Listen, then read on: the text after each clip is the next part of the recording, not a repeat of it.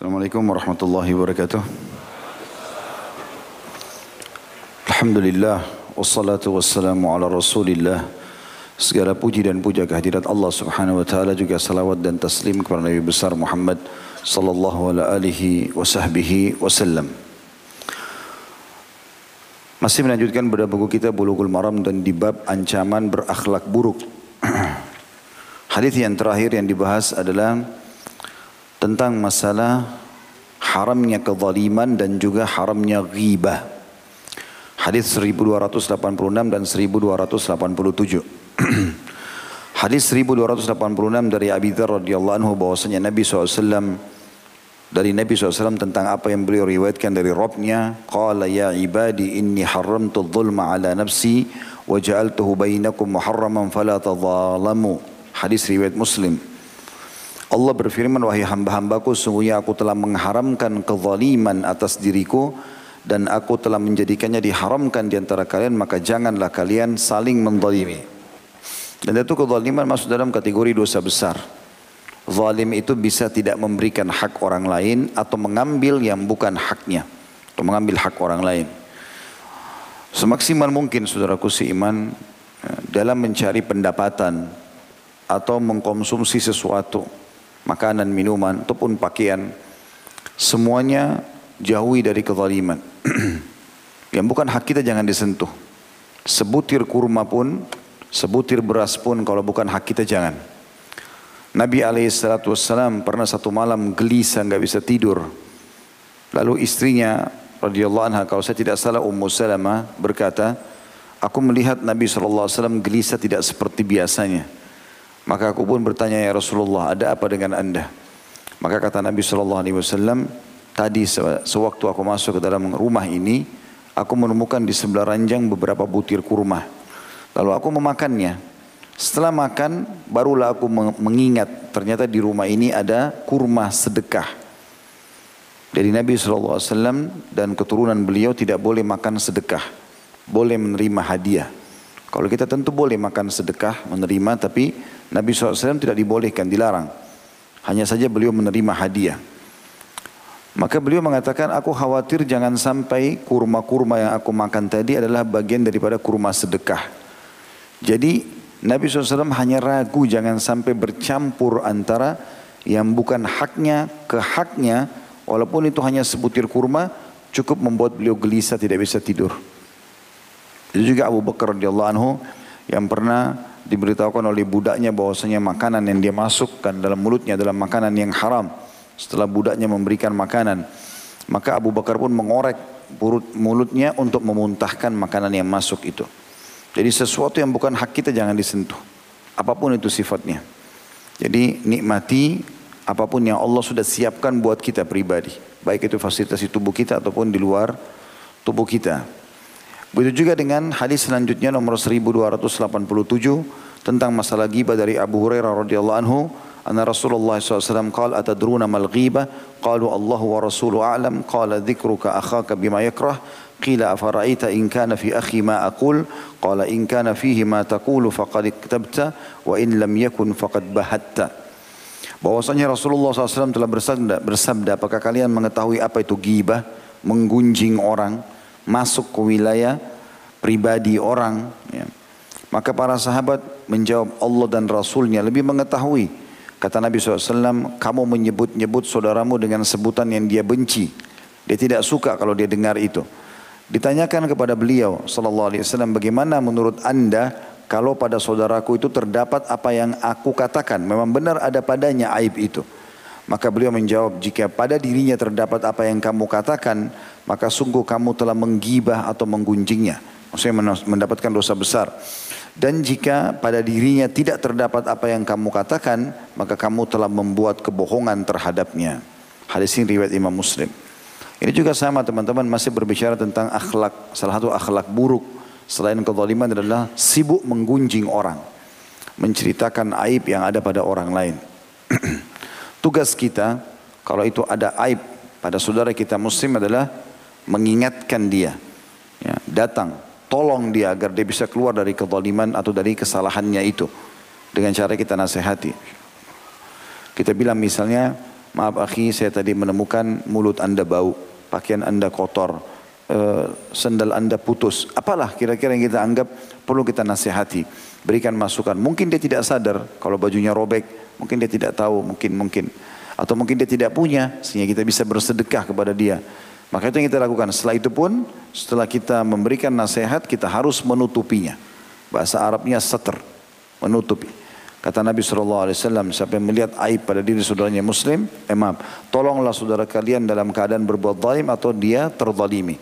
Kata para sahabat, kalau dia terzalimi kami sudah faham ya Rasulullah. Kalau dia berbuat zalim, bagaimana kami menolongnya? Kata Nabi SAW dengan cara engkau meluruskan kesalahannya. Datang nasihati. Dan Kalaupun kita sudah tahu kesalahannya dan sudah disampaikan kepada dia, tugas kita menutupi. Kata Nabi SAW, Man satara muslimah di dunia, satarahullahu yaumal qiyamah. Sampai menutupi aib seorang muslim di dunia, Allah akan tutupi aibnya di hari kiamat nanti. Jadi kita tidak boleh menggunjing orang. Ya. Dan kita akan masuk insya Allah siang ini melanjutkan sisa akhlak-akhlak yang buruk. Semoga Allah selamatkan kita darinya.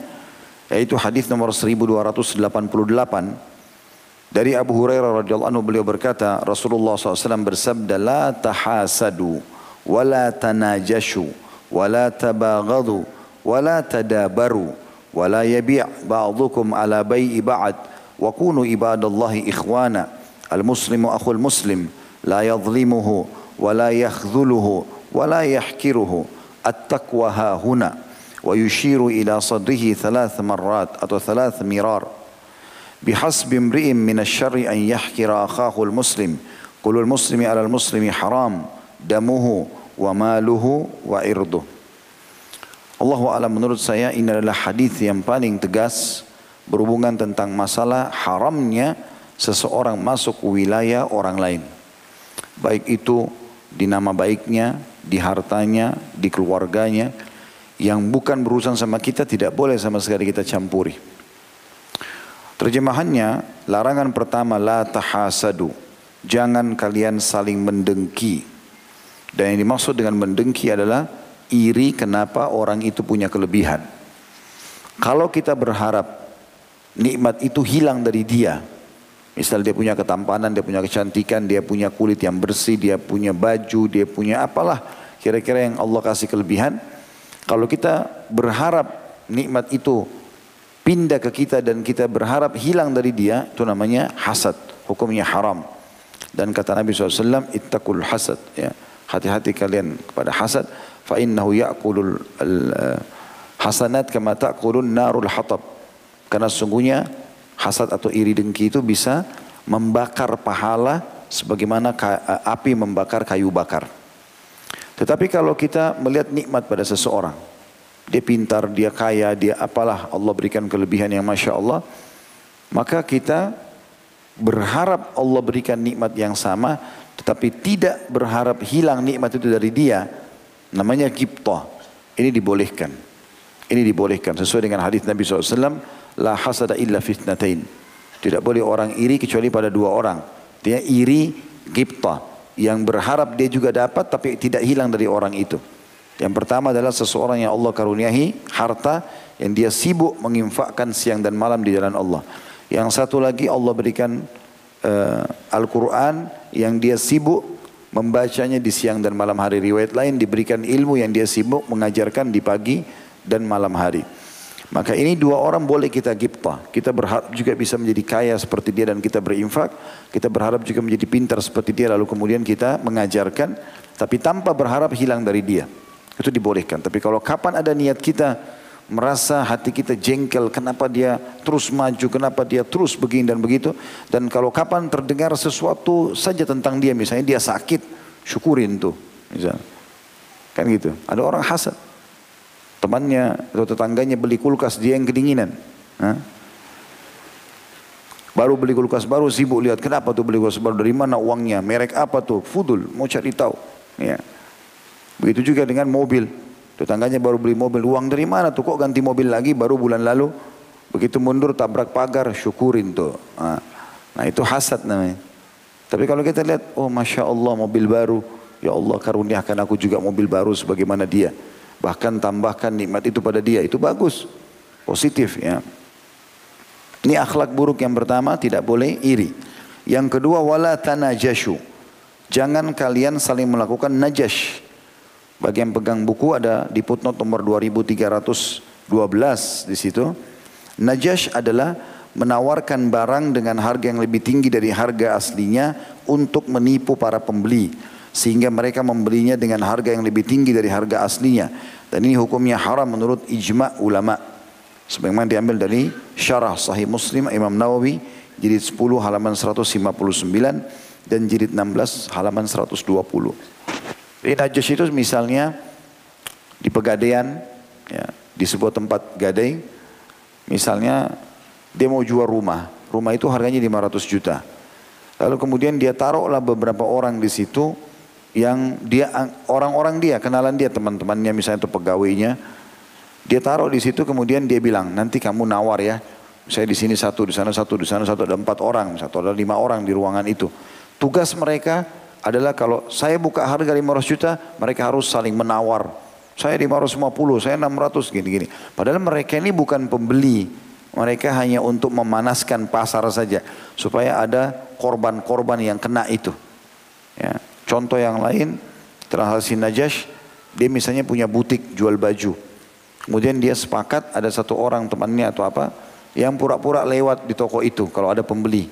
Saya lagi pegang baju. Baju itu misalnya dibuat e, bagus sama dia. Kemudian harganya 500 ribu misalnya. Maka kalau ada orang mau transaksi, dia bilang misalnya ini 500 ribu. Nggak bisa kurang. Tapi pembelinya ragu. Temannya masuk lalu mengatakan, Pak ini kalau bapak ini nggak jadi saya mau beli ya. Berapa harganya? 500 ribu. Saya berani bayar deh 600 ribu. Supaya pembeli pertama membeli baju itu. Itu namanya transaksi najash. Ini penipuan. Tidak boleh. ya Tidak boleh penipuan. Nabi mengingatkan akhlak buruk yang kedua. Wala tanajashu. Yang ketiga. Wala tabaghadu. Jangan kalian saling membenci. Ya. Diharamkan saling membenci. Kalau kita membenci sesuatu dari orang, yang kita benci sifat buruknya. Dan kita tidak boleh membenci fisiknya. Fisik itu ciptaan Allah. Tapi yang kita benci adalah sikap dan perilakunya, perbuatannya. Misal ada orang bohong, yang kita benci sifat bohongnya. Kapan dia tinggalkan sifat bohong itu, maka dia sudah baik. Dia kufur, kita benci kekufurannya. Kapan dia beriman, selesai. Nggak ada kita benci fisiknya. Ya. Ini sudah sering kita ingatkan masalah ini teman-teman sekalian, maka tidak boleh kita membenci fisik ya. Karena semua ciptaan Allah, termasuk kalau kita lihat hewan, bagi kita kok buruk gitu loh. Bentuknya hewan itu tidak boleh kita menghinanya. Karena tapi itu adalah ciptaan Allah Subhanahu wa taala. Allah menciptakan sesuatu yang sangat indah. Misalnya rusa, kijang, hewan-hewan yang harimau bulunya bagus tertata dengan lapi. Apa eh, kombinasi warnanya ada juga yang Allah ciptakan ikan di dalam lautan penuh dengan lumut dan seperti batu bentuknya. Mungkin bagi kita kurang bagus, tetap semua ciptaan Allah SWT. Tidak boleh kita menghina. Gitu kan? Itu juga kalau kita lihat ada orang yang tampan, ada orang yang jelek. Ada orang yang cantik, ada orang yang jelek. Ada orang yang putih, ada orang yang hitam. Tetap semua ciptaan Allah. Termasuk menghina diri sendiri nggak boleh. Haram. Allah sebutkan dalam surah Al-Hujurat itu. Ya. Tidak boleh saling memanggil dengan julukan-julukan yang buruk dan tidak boleh menghina diri sendiri. Tapi di sini teman-teman sekalian, ya, yang boleh adalah kita membenci sikap dan perbuatan yang salah. Dan selama itu sudah dihilangkan, maka kita sudah berhenti membencinya. Dan saya juga pernah berbagi sebuah kaidah hidup ya. Kalau teman-teman membenci sesuatu yang tidak baik dari satu benda, misalnya jeruk asam yang kita tidak suka asamnya, maka kita bisa makan jeruk lagi. Karena bagi kita asam yang kita tidak suka bukan fisik jeruknya. Kapan kita benci fisik jeruknya, karena asam yang ada pada jeruk ini kita tidak mau makan semua jeruk yang lain. Kita makan ikan amis, yang kita tidak suka amisnya, bukan ikannya. Karena tidak mungkin semua ikan sama. Ya, dengan begitu kita kalau kita benci amisnya saja kita akan mau makan ikan yang lain dan seterusnya. Karena ini saya temukan banyak sekali. Beberapa ikhwan yang duduk sama saya nggak mau makan. Kenapa nggak mau makan daging ini? Saya pernah makan usut bau. Nah itu dulu, belum tentu yang ini misal. Gitu kan? Jadi kita harus bijaksana. Ini supaya tidak saling membenci.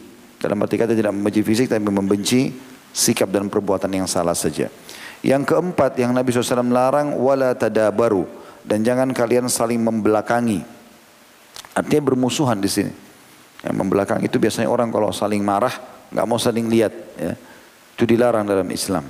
Dalam sebuah riwayat dikatakan tidak layak seorang muslim membenci saudaranya muslim lebih daripada tiga hari atau memboikotnya.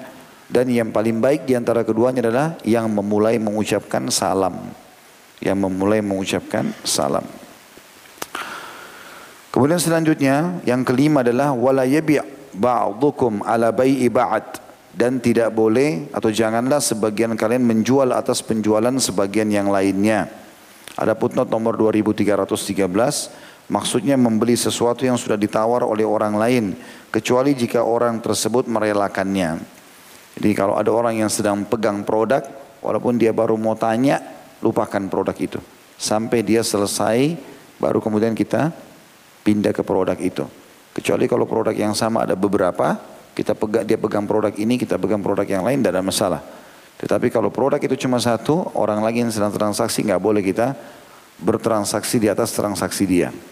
Ini baik orang yang mau beli ataupun penjualnya. Tidak boleh misalnya kita sudah transaksi sama orang beli tempat tisu ini, sudah sepakat misalnya 50 ribu, ada orang lain datang, dia suka, dia mau bayar dengan 75 ribu. Lalu kita jual lagi, sudah nggak bisa. Transaksi awal yang dianggap sah, transaksi kedua adalah batil. Dan ini bisa jadi haram pendapatannya kalau dia jual dengan transaksi yang kedua. Kemudian titah Nabi SAW yang kelima adalah wakunu ibadallahi ikhwana al-muslimu akhul muslim la yadhlimuhu. Dan jadilah kalian hamba-hamba Allah yang saling bersaudara. Saudara artinya orang yang selalu memberikan dan mendahulukan ya, orang yang ada di hadapannya, saudaranya. Dia dahulukan selalu jalannya, dia dahulukan apa saja, gitu kan. Dan dalam bab persahabatan dalam Islam itu sering kali ditekankan oleh para ulama, harusnya setiap muslim berusaha agar bentuk kasih sayangnya pada saudaranya muslim, dia mendahulukannya pada saat jalan, dia tidak memotong pembicaraannya, dia memenuhi kebutuhannya mendahului dari dirinya sendiri dan seterusnya. Semua itu adalah termasuk dalam persaudaraan. Lalu Nabi SAW titip beratkan al-muslim akhul muslim. Semua muslim kenal tidak kenal adalah saudara muslim yang lain. Artinya masalah apa pun yang dihadapi oleh saudaranya muslim walaupun beda negara, beda suku, jaraknya jauh adalah masalahnya juga. Seperti teman-teman kita di Palestina, sekarang di Syria, eh, di Kashmir, di mana-mana. Semoga Allah SWT angkat masalah mereka. Itu adalah saudara kita walaupun tidak ada hubungan kekerabatan. Pesan Nabi di sini yang keenam, Akhlak yang buruk adalah la yadhlimuhu. Tidak boleh dia menzaliminya. Dan sudah kita jelaskan tadi di hadis yang dua hadis sebelum ini tentang larangan kezaliman. Allah haramkan kezaliman ya, atas dirinya dan juga mengharamkan kepada hamba-hambanya. Selanjutnya yang ketujuh adalah wala yahkiruhu dan tidak boleh seorang muslim itu menghina saudaranya.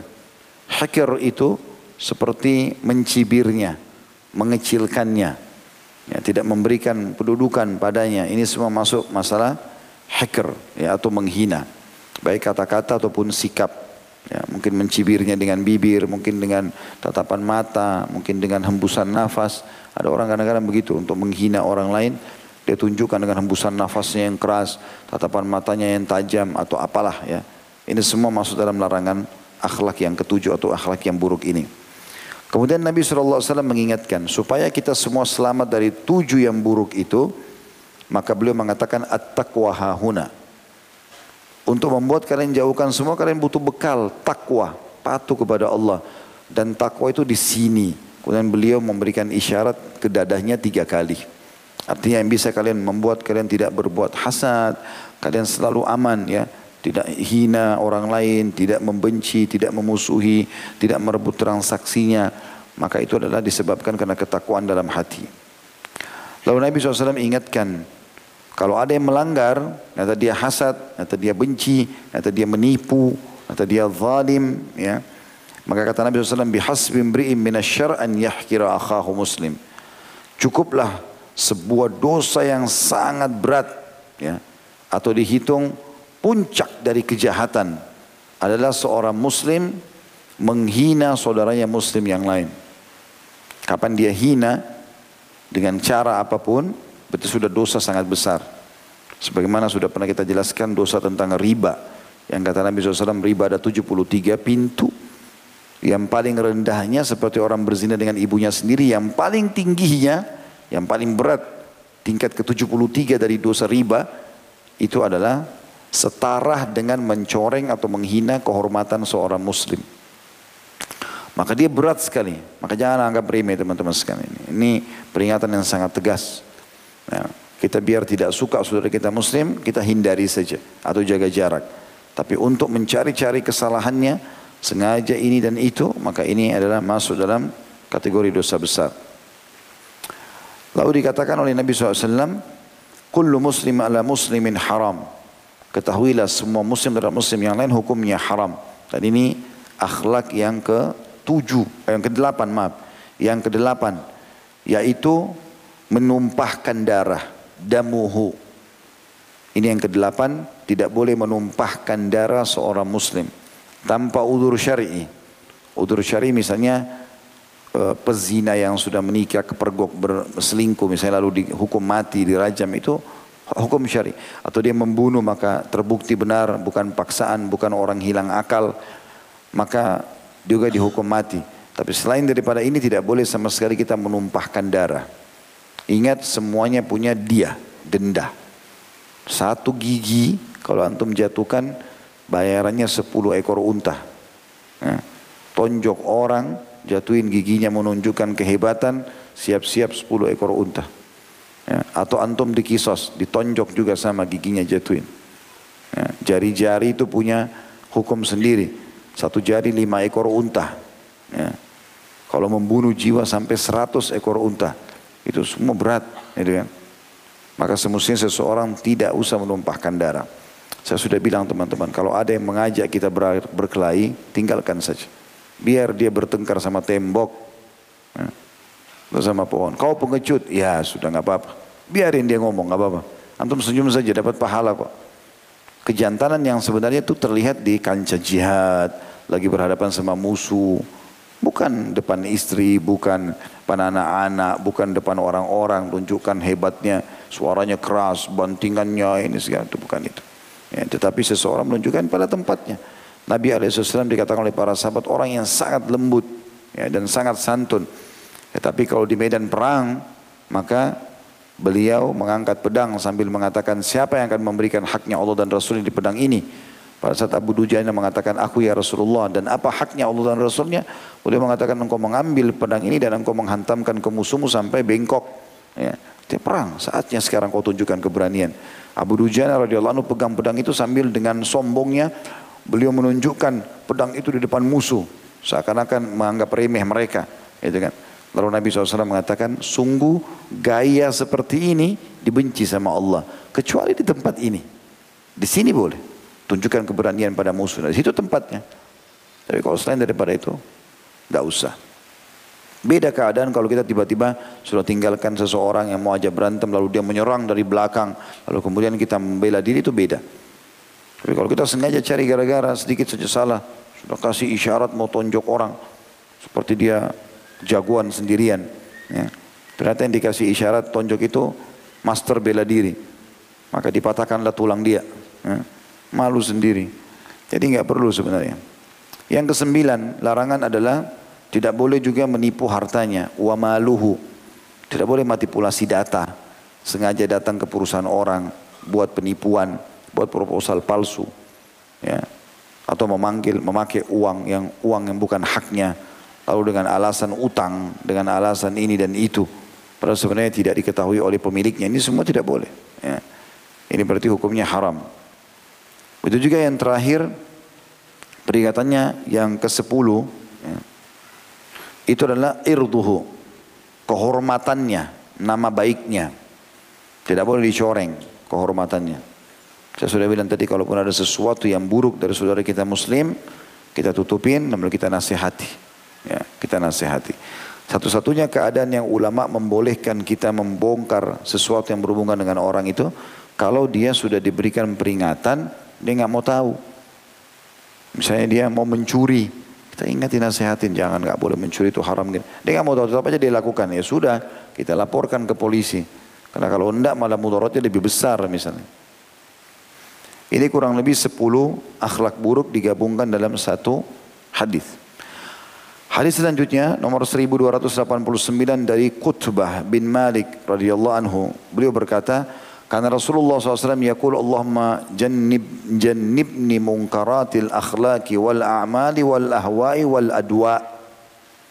Rasulullah SAW sering kali mengucapkan doa, Ya Allah jauhkanlah diriku dari kemungkaran akhlak dan perbuatannya, hawa nafsu dan penyakit yang membuat orang lain menghindar seperti kusta dan yang lainnya.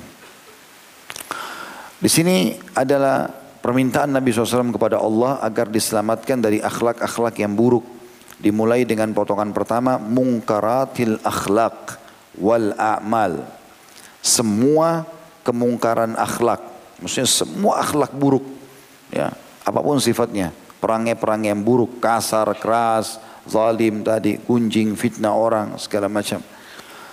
Beliau berlindung kepada Allah SWT agar diselamatkan dari kemungkaran akhlak dan juga perbuatannya. Karena ada orang misalnya hatinya jengkel.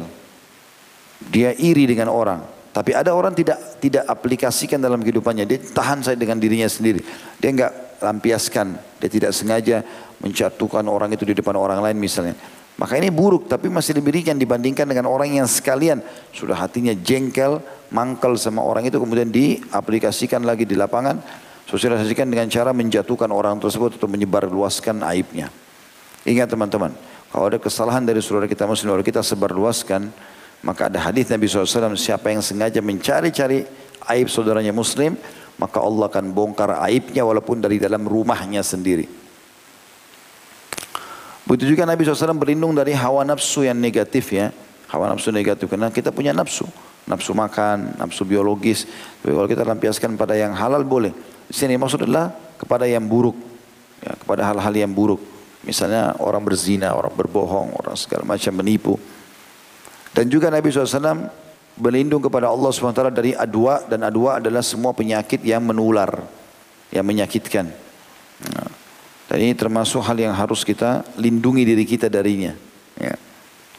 Kalau tadi yang hadis nomor 1288 10 hal yang dilarang atau akhlak buruk yang Nabi SAW ingatkan diriwayatkan Imam Muslim jadi 4 halaman 1986 kalau yang baru kita baca tadi tentang doa Nabi SAW minta dijauhkan dari segala jenis keburukan akhlak dan perbuatannya.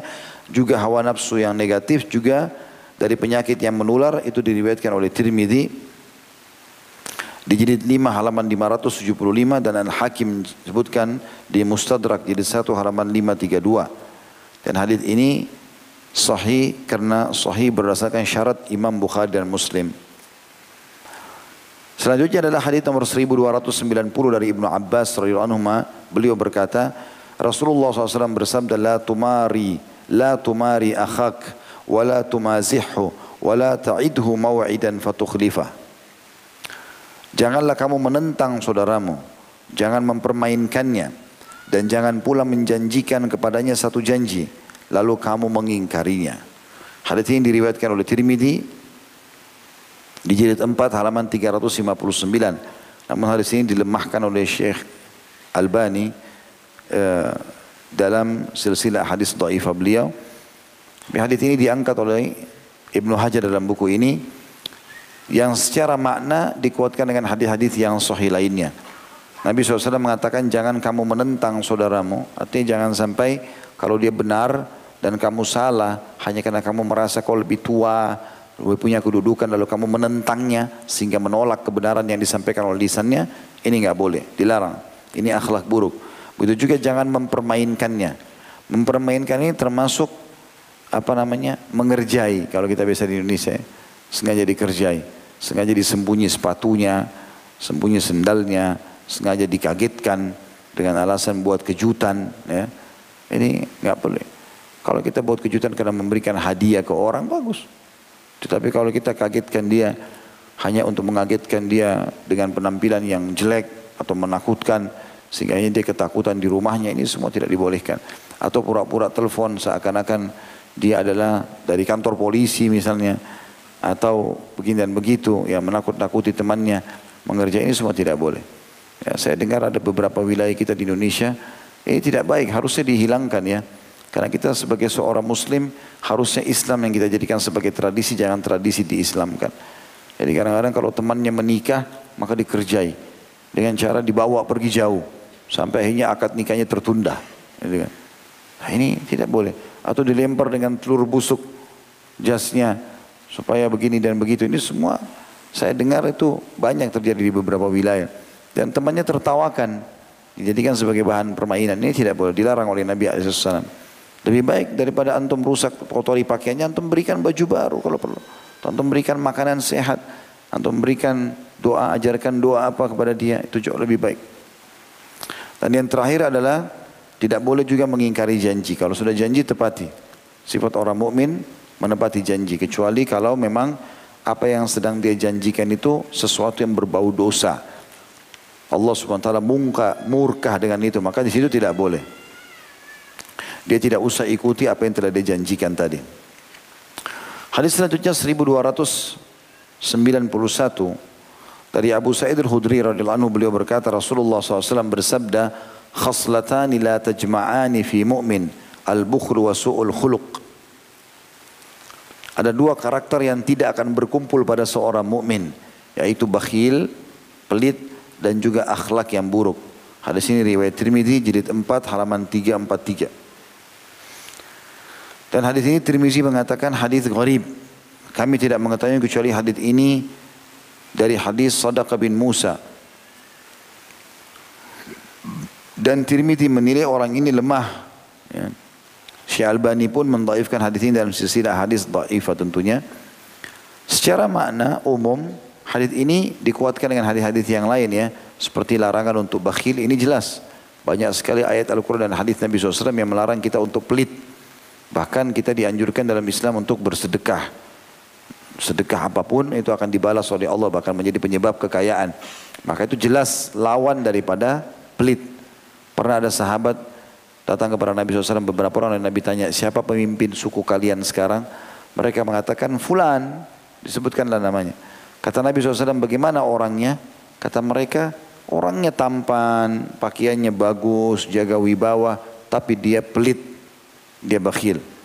Biasanya pemimpin itu justru harus royal, suka ber, ber, berbagi dengan orang sekitarnya. Maka kata Nabi SAW, penyakit jiwa apa yang lebih berat daripada pelit itu?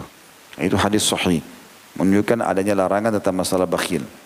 Kemudian larangan umumnya akhlak yang buruk ini sudah juga disebutkan dalam tadi misalnya di antara hadis 10 larangan akhlak buruk disatukan tadi dalam satu hadis juga ayat-ayat Al-Quran yang melarang fitnah, melarang ghibah, larang kezaliman, semua masuk dalam masalah itu. Tapi secara khusus riwayat ini dilemahkan oleh Tirmidzi sendiri yang meriwayatkan hadis ini. Hadis selanjutnya 1290 dari Abu Hurairah radhiyallahu beliau berkata Rasulullah SAW bersabda al-mustabbani ma qala fa'al al-badi ma lam ya'tadil. Dua orang yang saling mencelah, kamu buruk, kamu bodoh, kamu begini, kamu begitu saling mencaci maki apa yang mereka berdua katakan maka dosanya ditanggung oleh pihak yang memulai selama pihak yang terzalimi dari keduanya tidak melampaui batas.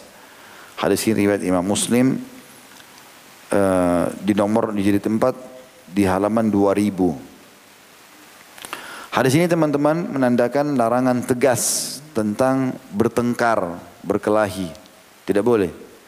Karena kalau kita memulai pertengkaran, maka secara otomatis kalau rival kita melawan, semua dosa kita dan dosa dia dari perkataan buruk ini kita yang tanggung. Karena kita yang memulainya. Ya, kecuali orang yang tadi sedang jadi rival kita, dia membalas dengan hal yang lebih besar. Misalnya kita ucapkan kata-kata buruk, menyinggung dia. Dia balas dengan pukulan. Maka di sini dia mendapatkan dosa yang lebih berat. Gitu kan. Karena perkataan dibalas perkataan, kalaupun memang harus dibalas. Gitu kan. Seperti itu yang Allah sebutkan dalam Al-Quran. Tangan dengan tangan, mata dengan mata, telinga dengan telinga, ya, dan seterusnya. Intinya teman-teman dalam hadis ini dilarang secara mutlak seseorang itu memulai pertengkaran. Karena dengan memulai pertengkaran maka apa pun dosa yang berkecamuk dalam pertengkaran itu akan dipanen oleh orang yang memulainya. Hadis selanjutnya 1293 dari Abu Shirma atau Abu Sirma maaf Abu Sirma radhiyallahu anhu beliau berkata Rasulullah SAW bersabda man darra musliman darrahullah wa man syakka musliman syakkallahu anhu alaihi syakkallahu alaihi Barang siapa yang menimpakan kemudaratan terhadap seorang muslim niscaya Allah menimpakan kemudaratan terhadapnya dan barang siapa yang menimpakan kesulitan terhadap seorang muslim maka niscaya Allah akan menimpakan kesulitan kepadanya. Hadis ini riwayat Abu Daud, jilid 3 halaman 315, Tirmidzi jilid 4 halaman 332 dan hadis ini dinilai hasan. Hadis ini menjelaskan kepada kita tentang adanya unsur timbal balik yang Allah akan berikan. Kalau kita buat zalim kepada orang, Allah buat juga nanti kita dizalimi. Kita memukul orang hari ini, besok kita akan dipukul. Kita menipu hari ini, kita akan ditipu besok dan seterusnya. Dan itu sesuai dengan sabda Nabi SAW di sini. Barang siapa yang menimpakan kemudaratan terhadap seorang muslim, niscaya Allah akan menimpakan kemudaratan terhadapnya. Dia celakakan saudaranya, dia buat manipulasi data, dia akan celaka dengan itu. Allah Maha Kuasa. Begitu juga barang siapa yang menimpakan kesulitan terhadap seorang muslim, sengaja dia persulit permasalahannya, padahal muslim itu punya hak Ya, misalnya proposal yang diajukan ke sebuah kantor atau yang sejenisnya, lalu sengaja ada orang yang menyulitkan karena dia berharap dikasih uang atau yang lainnya, maka saya Allah akan menimpakan juga kesulitan terhadapnya. Allah akan menimpakan kesulitan terhadapnya. Ini juga termasuk dua buah akhlak yang harus dijauhi oleh seorang muslim. Tidak boleh dia sengaja menimpakan kemudaratan atau kesulitan bagi saudaranya muslim dan tidak boleh juga dia menimpakan Eh, penipuan, maaf dia tidak boleh ditimpakan kemudaratan dan tidak boleh ditimpakan kesulitan kepada seorang muslim. Hadis selanjutnya 1294 Abu Darda radhiyallahu anhu berkata Nabi sallallahu Rasulullah SAW bersabda, "Inna Allah yubghidul fahishal badi." Sesungguhnya Allah sangat membenci orang yang perkataannya keji, lagi kotor. Hadis ini riwayatkan Tirmidzi di jilid 4 halaman 362. Hadis ini secara khusus mengingatkan tentang perlunya seorang muslim menjaga lisan. Yang diucapkan oleh seorang muslim itu hanya emas saja. Hal-hal yang positif. Nasihat, bertanya tentang ilmu, menanyakan tentang keadaan seorang muslim. ya. Jadi sesuatu yang bermanfaat. Selain daripada itu diam. Tidak usah ikut-ikutan bicara. Apalagi itu bukan bidang kita cara masalah ekonomi dia bukan pakar ekonomi, cara masalah politik bukan pakar politiknya, maka sebaiknya dijauhi saja sama dia. Sebagaimana sabda Nabi SAW, Man kana yu'minu billahi wal yawmil akhir falyakul khairan aw liyasmut. Siapa yang mengaku beriman pada Allah dan hari akhir dia harus mengucapkan yang benar atau dia diam saja. Tidak usah dia berbicara. Di sini Nabi SAW menggabungkan dua sifat buruk, al-fahisha, al-badi. Orang yang perkataannya keji. Keji itu menyakitkan lagi kotor, kotor ini maksudnya adalah memang orang kalau dengar, orang tahu ini perkataan tidak baik. Ya. Apakah itu kotoran-kotoran, nama-nama kotoran ataupun nama-nama hal yang negatif lah. Ya. Hinaan-hinaan nama hewan dan seterusnya. Ini semua masuk dalam larangan tadi. Hadis 1295 dari beliau juga masih sama Abu Darda radhiyallahu anhu dari Ibnu Mas'ud radhiyallahu anhu yang beliau nyatakan marfu maksudnya sampai kepada Nabi SAW laisal mu'minu bit ta'ani walal la'ani walal fahish walal fahishi walal badi. Seorang mukmin yang sempurna imannya itu bukanlah pencelah bukan juga pengutuk dan bukan pengucap ucapan keji serta pengucap ucapan kotor. Hadis ini memberikan gambaran kepada kita tentang tiga akhlak atau empat akhlak buruk yang lain yang seharusnya seorang muslim menjauhi. Yang pertama, bukanlah seorang muslim itu pencelah, ta'an, suka mencari-cari kekurangan orang. Ini subhanallah sekali kita buka pintu ini teman-teman kita akan terus dibukakan pintu oleh syaitan. Misalnya pada saat kita sibuk lihat orang terus kita sibuk lihat kesalahannya. Maka syaitan akan buat mata kita selalu cari kekurangan orang saja. Oh ini orang dari wajahnya, di sini ada rusak nih, ada jerawatnya, di sini ada ini, di sini ada itu. Supaya kita mencelahnya. Jadi seorang mumin harus jaga, tidak boleh sama sekali. Bukan urusan kita dengan kekurangan yang ada pada diri orang lain. Kalaupun itu perlu bisa kita nasihati, kita nasihati berikan masukan. Kalau tidak ya sudah, kita diam saja. Ini akhlak buruk yang pertama. Pencela. Nah, ini termasuk mencela pakaian, cara jalan, mobil, rumah, apa saja ya. Jadi bukan urusan kita pada saat kita datang ke rumah orang, atau orangnya pasang sofa warna orange. Ya sudah itu punya dia, hak dia. Walaupun kita suka warna biru misalnya. Kita masuk ke rumah orang, dia menata vas bunganya atau dia menata toplesnya dengan cara dia, ya sudah itu hak dia. Gak ada urusan sama kita. Kita nggak suka ya sudah cukup. Dan itu bukan berhubungan dengan masalah ibadah, tapi berhubungan dengan masalah dunia. Tapi kalau kita juga memberikan nasihat secara umum tidak ada masalah. Yang kedua la'an, suka mengutuk. Mengutuk ini maksudnya mendoakan keburukan ya. Jadi daripada kita doakan keburukan lebih baik kita doakan kebaikan. Walaupun kita punya hak untuk itu. Jadi kalau misalnya ada orang dicuri barangnya segala macam lalu dia mendoakan agar Allah datangkan hukuman untuk orang tersebut, hak dia. Tetapi lebih dianjurkan agar dia mendoakan kebaikan, maksudnya supaya dapat hidayah.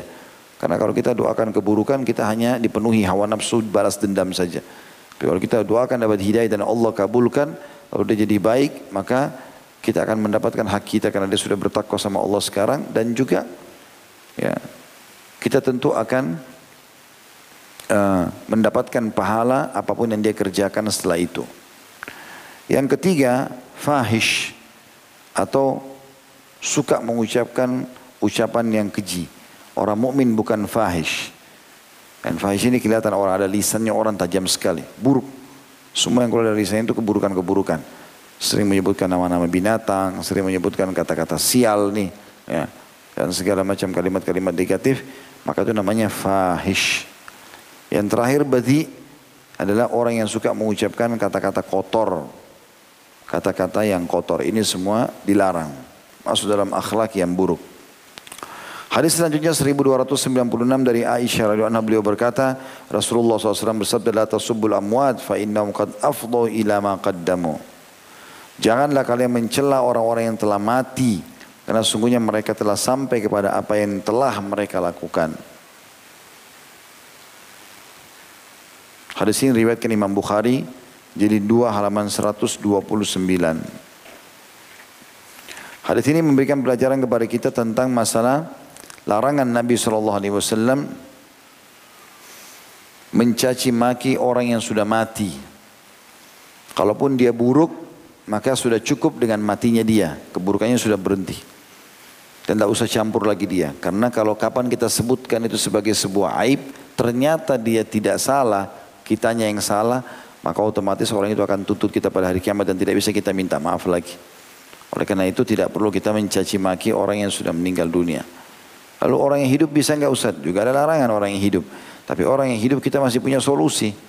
Karena kalau dia tersinggung pun dia marah, kita merasa bersalah, kita bisa minta maaf. Dan ada kemungkinan dimaafkan. Tapi orang kalau sudah mati, makanya agak sulit.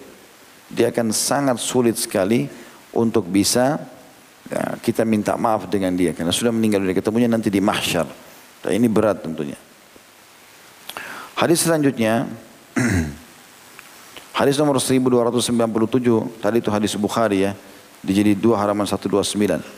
Hadis sekarang 1297 dari radhiyallahu anhu beliau berkata, Rasulullah SAW bersabda la yadkhulul jannata qattat. Tidak akan masuk surga seorang pengadu domba atau orang penyebar fitnah. Hadis ini diriwayatkan oleh Imam Bukhari jadi di 8 halaman 21, Muslim jadi 1 halaman 101. Katat dalam kalimat hadis ini adalah pengadu domba dan ini sudah pernah saya jelaskan ya. Sebenarnya dalam terjemahan bahasa Arabnya tidak dikatakan adu domba. Tetapi ini membuat dua orang bertikai. Di Indonesia diterjemahkan dengan adu domba karena domba mudah sekali untuk diberantemkan. Lagi makan sama-sama, dihadapkan matanya, dielus bagian tanduknya bisa berantem langsung. Ya kan? Makanya disilakan dengan adu domba. Artinya dua orang yang tadinya baikan tiba-tiba jadi rusak gara-gara diadu di antara tengah-tengahnya atau disampaikan itu si Fulan bilang kau begini, si Fulan bilang begini supaya nanti berantem nih. Ini salah satu ciri orang-orang Yahudi. Mereka kalau mau aman di sebuah wilayah, mereka mengadu domba masyarakat sekitar tempat itu supaya ribut dan mereka berkuasa. Nah, itu yang terjadi pada saat mereka datang ke kota Nabi alaihissalam sebelum hijrahnya Nabi alaihissalam ke Madinah. Hadis selanjutnya 1298 dari Anas radhiyallahu beliau berkata Rasulullah SAW bersabda man kaffa ghadabahu kaffallahu anhu adabah barang siapa yang menahan amarahnya niscaya Allah menahan siksaannya darinya Hadis ini riwayat Tabarani dalam kitab Al-Awsat. Karena di sini memiliki hadis syahid atau yang menjadi saksi dari hadis Ibnu Umar yang diriwayatkan dari Ibnu Abid Dunia. Diriwayatkan oleh Abu Ya'la di jilid 7 halaman 302. Ada jadi catatan penting di bawah di putar nomor 2324. Hadis ini saya tidak saya lihat dalam riwayat At-Tabarani dari hadis Anas namun saya melihatnya diriwayatkan dari hadis Ibnu Umar radhiyallahu anhu di jilid 6 halaman 140 yang lafadznya adalah wa man kaffa satarallahu awratah. Barang siapa yang menahan amarahnya niscaya Allah akan menutup keburukannya. Hadis 1298 ini memberikan pelajaran kepada kita tentang salah satu akhlak yang buruk yaitu emosional. Tidak mengontrol emosinya. Karena ini seperti penyakit jiwa juga. Kapan orang selalu marah tanpa sebab, maka nanti dia akan selalu terbiasa dengan marah. Bahkan sering kali dia marah sama dirinya sendiri. Dia marah sama benda-benda yang dianggap mati di sekitarnya. Misal dia mau pakai sepatu, salah. Atau tidak bisa masuk karena sulit misalnya. Maka dia bisa marah pada dirinya sendiri. Atau dia marah pada sepatu itu. Kadang-kadang bahkan dibodoh-bodohi sepatu. Atau misalnya pintu tertiup angin. Lalu kemudian terjadi ada suara yang ribut. Tiba-tiba dia marah sama pintu itu. Atau dia marah sama angin. Padahal sebenarnya tidak ada hubungannya sama sekali. Itu sebab saja gitu kan. Jadi orang kalau terbiasa emosional akan membuat dia tidak bisa kontrol diri. Ini berbahaya. Sehingga interaksi sama orang emosional itu tidak nyaman. Mukanya kelihatan gitu. Orang emosional matanya membelalak. Suka kata-katanya kasar. Kita pun tidak nyaman. Kalau kita ada hajat paling kita selesaikan lalu kita pergi dari orang itu. Maka ini harus kita jauhi karena ini sifat buruk. Oleh karena itu kontrol emosi teman-teman. Walaupun menyakitkan. Allah subhanahu wa ta'ala mengetahui bagaimana memberikan kita jalan keluar. Ya. Kemudian hadis selanjutnya 1299 dari Abu Bakar radhiyallahu anhu beliau berkata Rasulullah SAW bersabda la yadkhulul jannata khabbun wala bakhilun wala sayyi'ul malaka tidak akan masuk surga seorang penipu, seorang yang bakhil dan seorang yang berlaku buruk terhadap anak anak pembantunya atau budak pembantunya. Maaf, terhadap budak ya perempuannya atau budak pembantunya. Hadis ini diriwayatkan Tirmidzi di jilid 4 halaman 334 dan 3343 dan ini juga didhaifkan oleh Syekh Albani di dalam buku beliau Hidayatul Ruah Ar-Ruah di jilid 3 halaman 339. Hadis ini secara umum sanadnya lemah tetapi makna-makna yang ada di dalam hadis ini saya sudah bilang seperti tadi mirip dengan hadis sebelumnya memiliki makna yang sejalan dari hadis sahih. Seperti misalnya khab. Khab itu adalah penipu. Ya. tidak akan masuk surga penipu. Kalau kita lihat hadis-hadis tentang masalah yang lain yang sahih seperti misalnya Nabi SAW mengatakan kalau kita sedang transaksi, kalau orang transaksi denganmu, ucapkan la khabala. Tidak ada tipu daya ya. Ini transaksi apa adanya. Kita sunnah mengucapkan la khabala. Maka berarti memang anjuran dalam syariat kita supaya tidak menipu. Dan tidak ada kenikmatannya menipu itu teman-teman sekalian. Diikuti dengan ketakutan dan juga membuat orang lain benci dengan kita. Dan antum kalau ketahuan misalnya seorang naudzubillah mudah-mudahan di sini tidak ada tapi kalau ada yang ketahuan melakukan penipuan maka solusi yang terbaik kalau antum dapat kesalahan lakukan kesalahan mengaku dan minta maaf perbaiki. Jangan kita ketahuan nih kebongkar lalu kita buat lagi makar untuk supaya orang yang sudah membongkar itu kena juga terjerumus dalam hukuman. Ini tidak baik. Ini tidak dibolehkan tentunya. Begitu juga dengan bakhil, sifat yang kedua di hadis nomor 1299 sama. Sudah kita jelaskan tadi pelit. Kemudian juga sayyidul malaka atau pemilik budak yang zalim. Suka memukul, suka mendolimi, tidak memberikan makan. Semua ini masuk dalam Sayyidul Malaka atau Sayyul Malaka. Buruknya orang yang memiliki pembantu tadi. Maksudnya muamalahnya ya. Dia suka pukul, dia tidak kasih makan. Kamarnya tidak diperhatikan. Segala macam ini kezaliman, tidak dibolehkan. Termasuk akhlak yang buruk dijelaskan di halaman 1000 eh, maaf di halaman 825 hadis nomor 1300 dari Ibnu Abbas radhiyallahu anhu beliau berkata Rasulullah SAW bersabda man tasamma'a haditha qaumin wa lahu karihun subba fi udunaihi al-anuk al qiyamah yakni ar-rasas hadis ini riwayat Bukhari di jilid 9 halaman 54 artinya adalah barang siapa yang menguping pembicaraan satu kaum Sedangkan mereka membenci hal itu, niscaya akan disiramkan cairan timah panas ke dalam dua, kedua telinganya pada hari kiamat. Ya, ini maksud dengan ar-rasas di sini adalah timah yang dipanasi sehingga meleleh, lalu dituang di kupingnya. Dan ini karena suka nguping. Ya. Jadi nggak boleh sengaja kita nguping dengarin orang ngomong apa. Ya, mencari tahu orang lihat apa di handphonenya bukan urusan kita. Dia berbuat dosa antara dia sama Allah Subhanahu wa taala, bukan lagi urusan sama kita, ya.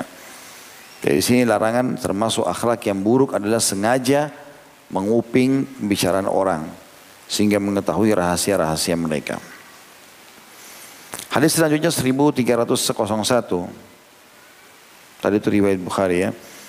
Beliau berkata Rasulullah SAW bersabda tuba liman syagalahu aibuhu an uyubin nas. Beruntunglah bagi orang yang disibukkan dengan aibnya sendiri dari aib orang-orang atau orang lain. Hadis ini dianggap lemah sekali oleh Syekh Albani tapi diriwayatkan oleh Al-Bazzar jadi 2 halaman 455 dan Al-Hafidh juga Ibnu Hajar berkata sebagaimana dalam Mukhtasar Zawaid Al-Bazzar seraya mengomentari pendapat Al-Haytham yang menyatakan bahwa An-Nadhr bin Muhriz Al-Azdi itu tertuduh berdusta. Saya katakan demikian juga Aban dan matan ini adalah maudhu atau palsu dan berasal dari perkataan Al-Hasan. Hadis ini nomor 1301 dianggap hadis yang lemah sekali oleh para ulama hadis ya.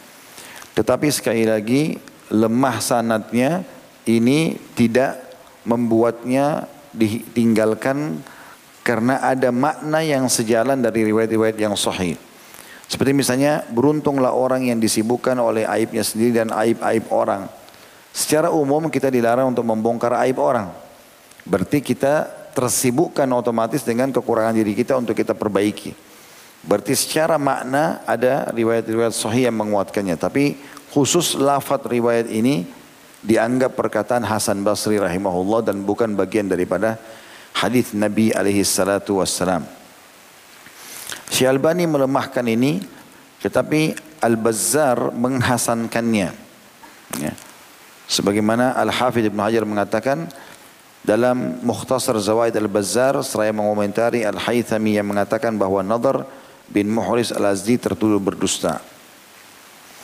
Baik kita pindah hadis selanjutnya. Ya, karena hadis tadi itu lemah. Dan bab kita ini sampai 1309 hadisnya. Insya Allah kita coba selesaikan.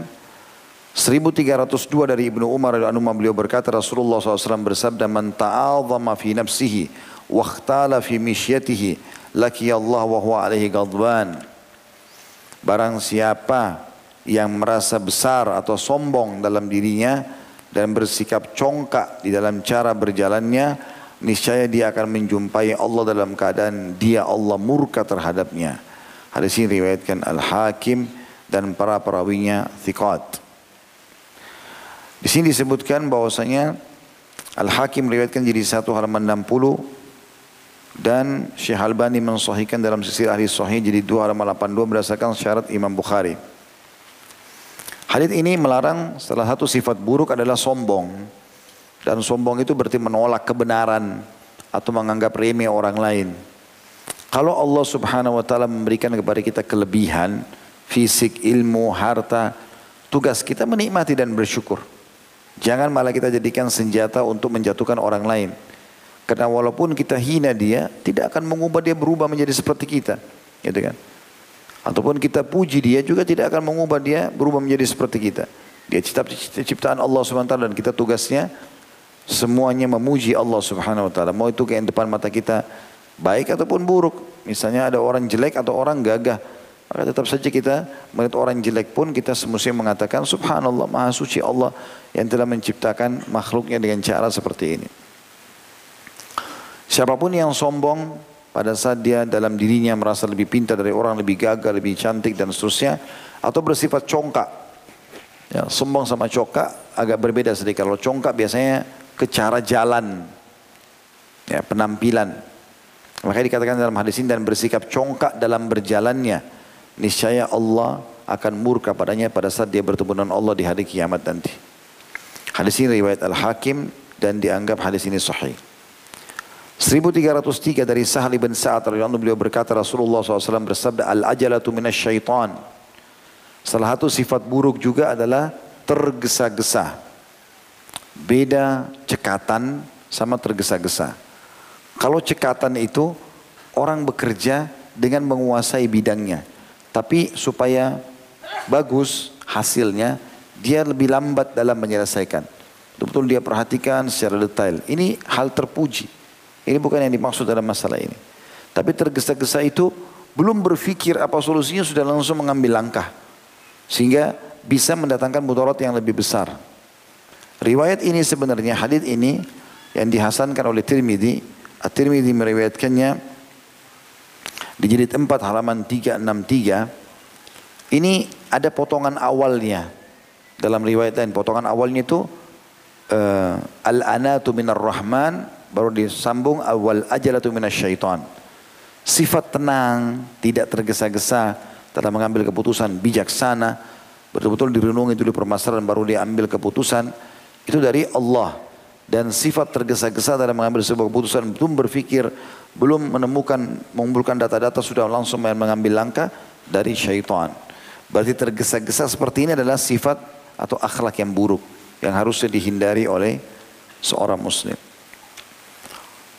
Begitu juga dengan sifat setelahnya, sifat buruk yang selanjutnya adalah nomor hadis nomor 1304 dari Aisyah radhiyallahu anha beliau berkata Rasulullah SAW bersabda asyu'mu su'ul khuluq. Pesimis adalah akhlak yang buruk.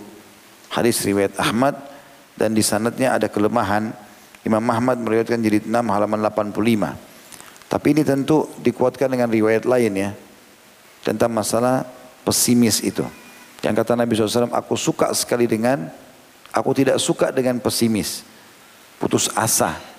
Ya, tapi aku suka dengan al-fa'al. Kata para sahabat, apa itu fa'al ya Rasulullah? Kata Nabi SAW, kalimat optimis. Dari dalam kamus kita sebagai seorang muslim, selama kita hidup dan selama depan mata kita itu walaupun mustahil di sebagian pandangan orang, selama bukan haram, kita jalani. Ya, insya Allah Allah akan mudahkan itu. Berapa banyak sahabat pada saat berhadapan dengan benteng-benteng musuh yang sangat kokoh. Kalau dihitung kekuatan mereka tidak akan mampu menembus benteng itu.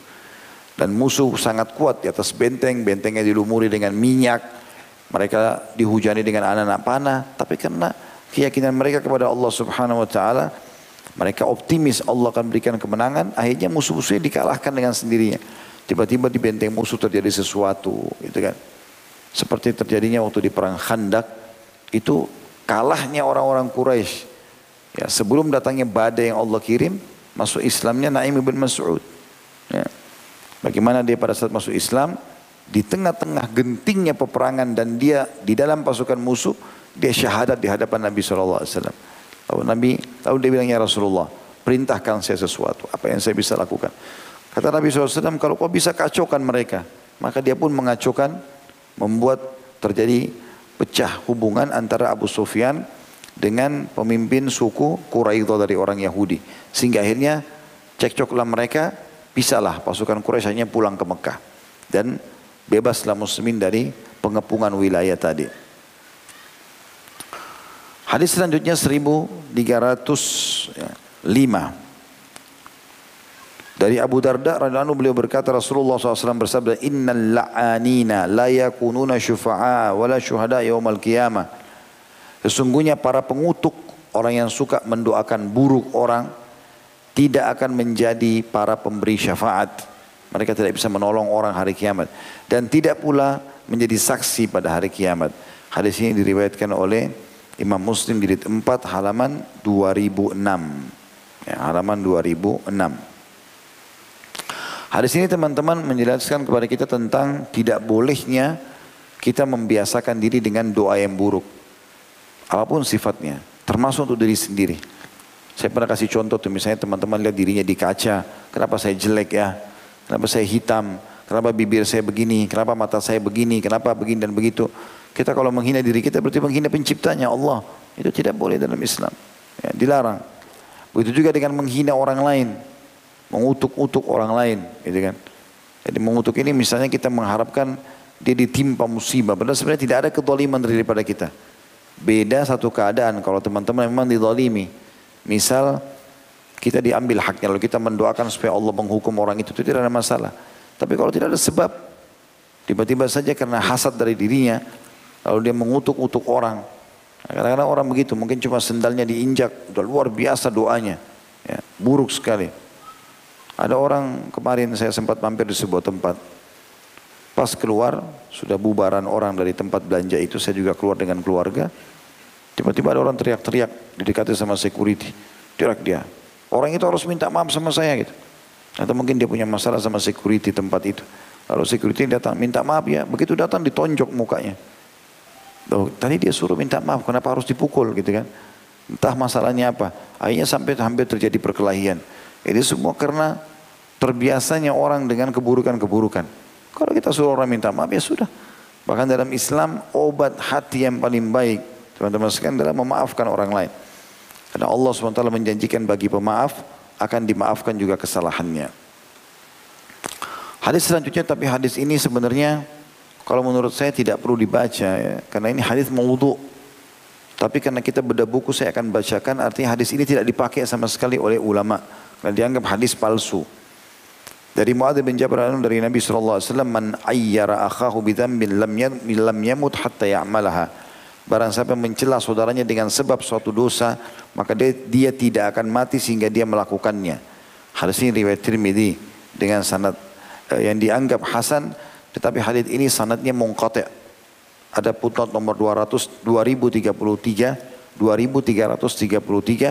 dikatakan hadis ini maudhu ya, oleh Imam eh, oleh Syekh Albani dan hadis ini pun dianggap hasan gharib oleh Tirmidzi. Hasan gharib artinya diragukan walaupun dianggap derajatnya hasan atau bisa masuk dalam hadis yang lemah. Oleh karena itu ini hadis ini tidak kita bahas ya karena memang dasarnya secara makna pun ini masih butuh penelusuran apakah ada dalil sahih yang menjelaskan masalah itu. Tinggal tiga hadis yang terakhir nomor 1307 dari Bahaz bin Hakim dari ayahnya dari kakeknya radhiyallahu anhu jemain beliau berkata Rasulullah SAW bersabda Wailun lilladhi yuhaddithu fayakdhibu liyudhika bihil qaum bihil, bihil qaum wailun lahu thumma wailun lahu. Ini khusus bagi orang-orang yang suka mengarang-arang cerita bohong untuk membuat orang lain tertawa. Ini ancaman termasuk bagian dari akhlak yang buruk dan dosa kalau orang kebetulan tertawa karena memang sesuatu yang benar diceritakan tidak ada masalah. Tapi kalau rekayasa cerita ini tidak boleh. Ya. Kata Nabi SAW, celakalah bagi orang yang bertutur kata lalu berdusta agar dengan dustanya itu dia bisa membuat tertawa satu kaum. Celakalah baginya, kecelak kemudian celakalah baginya. Hadis ini Hasan diriwayatkan Abu Daud jilid 4 halaman 293 atau maaf 297 An-Nasai dalam Sunan Kubra jilid 6 halaman 329 Tirmidzi jilid 4 halaman 557 nah, ini akhlak yang buruk teman-teman sekalian. Jangan dianggap sebuah prestasi. Kadang-kadang dia sengaja buat cerita bohong walaupun niatnya baik untuk menyentuh orang ataupun membuat orang lain tertawa ini tidak boleh. Ya hukumnya tetap masuk dalam kategori akhlak yang buruk dan dosa ya. Jadi yang boleh adalah kita bicara apa adanya dia salah kita nasihatin, dia benar kita dukung. Kalau ada sesuatu cerita yang memang dasarnya membuat orang tertawa, apa adanya memang karena kejadiannya memang lucu, maka itu boleh saja. Tapi rekayasa ini tidak boleh. Dan makna wail dalam bahasa Arab luas sekali. Yang kata Nabi SAW, wailun lahu thumma wailun lahu. Wail bisa berarti kecelakaan, kehinaan, siksa di api neraka, ya, kehancuran, kebinasaan, masuk dalam makna wail semuanya. Maka di sini diancam kehancuran bagi orang-orang seperti ini. Dua hadis yang terakhir dalam uh, bab akhlak yang buruk ini adalah hadis 1308 dari Anas radhiyallahu anhu. Beliau dari Nabi SAW beliau bersabda kafaratu maniktabta antastagfiralah penghapus dosa giba bagi orang yang telah kamu gunjingkan adalah kamu memohon ampun untuknya. Hadis ini dilemahkan oleh para ulama dan hadis ini dianggap maudhu oleh Syekh Albani ya. Lafaz Al-Harith ya, yang dikatakan dalam hadis ini kafaratul iktiyab antastaghfir liman iktabta. Kafara mengunjing orang adalah engkau meminta ampun untuk orang yang engkau gunjingkan. Ini dirincikan oleh para ulama. Kalau orang yang sedang kita giba itu ada masih hidup maka tugas kita minta maaf. Karena ini perusakan citra karena apa yang dia minta disuruh kita perbaikin misalnya uh, nama baik dia maka kita lakukan gitu kan. Itu yang dianjurkan oleh para ulama. Tetapi istighfar untuk dia dan memohon ampun serta meluruskan kesalahan ini boleh kalau dia sudah meninggal. Tapi secara umum lafadznya seperti ini. Setiap kita gibah orang cukup dengan memohon ampun untuk dia maka akan dibersihkan dosa. Ini tidak dibenarkan oleh para ulama. Dan hadis ini dianggap sangat lemah. Bahkan Syalbani memfonisnya sebagai hadis yang maudhu. Hadis yang terakhir adalah 1309 dari Aisyah anha. Beliau berkata Rasulullah SAW bersabda abgadur rijali ilallahil aladdul khasim. Orang yang paling Allah benci adalah orang yang sangat memusuhi lagi menentang. Hadis ini riwayat Muslim jadi 4 halaman 2054 ini teman-teman sekalian adalah hadis yang mulia sekali. Yang dimaksud dengan hadis terakhir kita ini adalah kalau ada seseorang yang berbuat salah saya anjurkan teman-teman kalau kita buat salah, maka kita terima kesalahan itu. Minta maaf, perbaiki. Jangan kita salah lalu diingatkan. Tapi yang kita lakukan kita balik menyerang orang itu. Sengaja kita mencari-cari kesalahannya supaya dia yang disalahkan bukan kita. Ini yang dimaksud dalam hadis ini. Dan mana kata para ulama orang yang paling dibenci adalah orang yang paling berat siksaannya di sisi Allah Subhanahu wa taala yaitu orang yang sengaja memusuhi lagi menentang. Artinya dia salah tapi dia malah membuat penentangan. Ya, Allah alam. Semoga Allah SWT selamatkan kita dari semua akhlak yang buruk ini. Begitu saja. Subhanakallah bihamdika. Asyhadu an la ilaha illa anta astaghfiruka wa atubu. Assalamualaikum warahmatullahi wabarakatuh.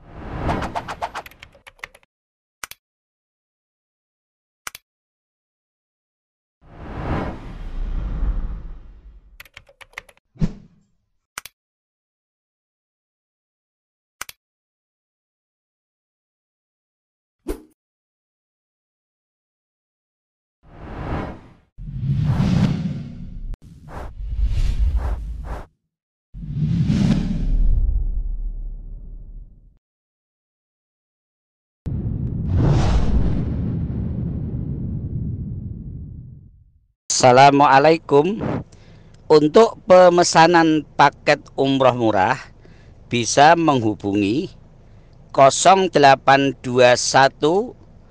4196 0857 Kami ulangi sekali lagi Untuk pemesanan paket umroh murah Bisa menghubungi 0821 4196 0857 Sekali lagi 0821 4196 0857 Terima kasih